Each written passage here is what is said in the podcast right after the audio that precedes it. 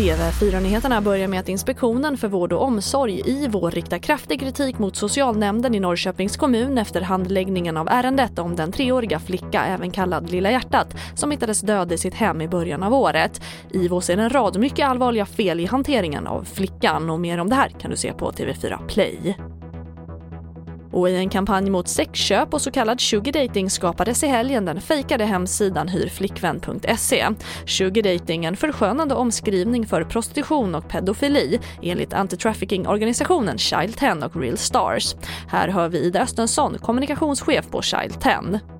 Sugar dating är ju en vanlig ingång för unga tjejer i prostitution och hela idén bygger på att det ska vara äldre rika män som ska träffa yngre eh, tjejer som på något sätt behöver eh, ersättning för eh, i sitt liv.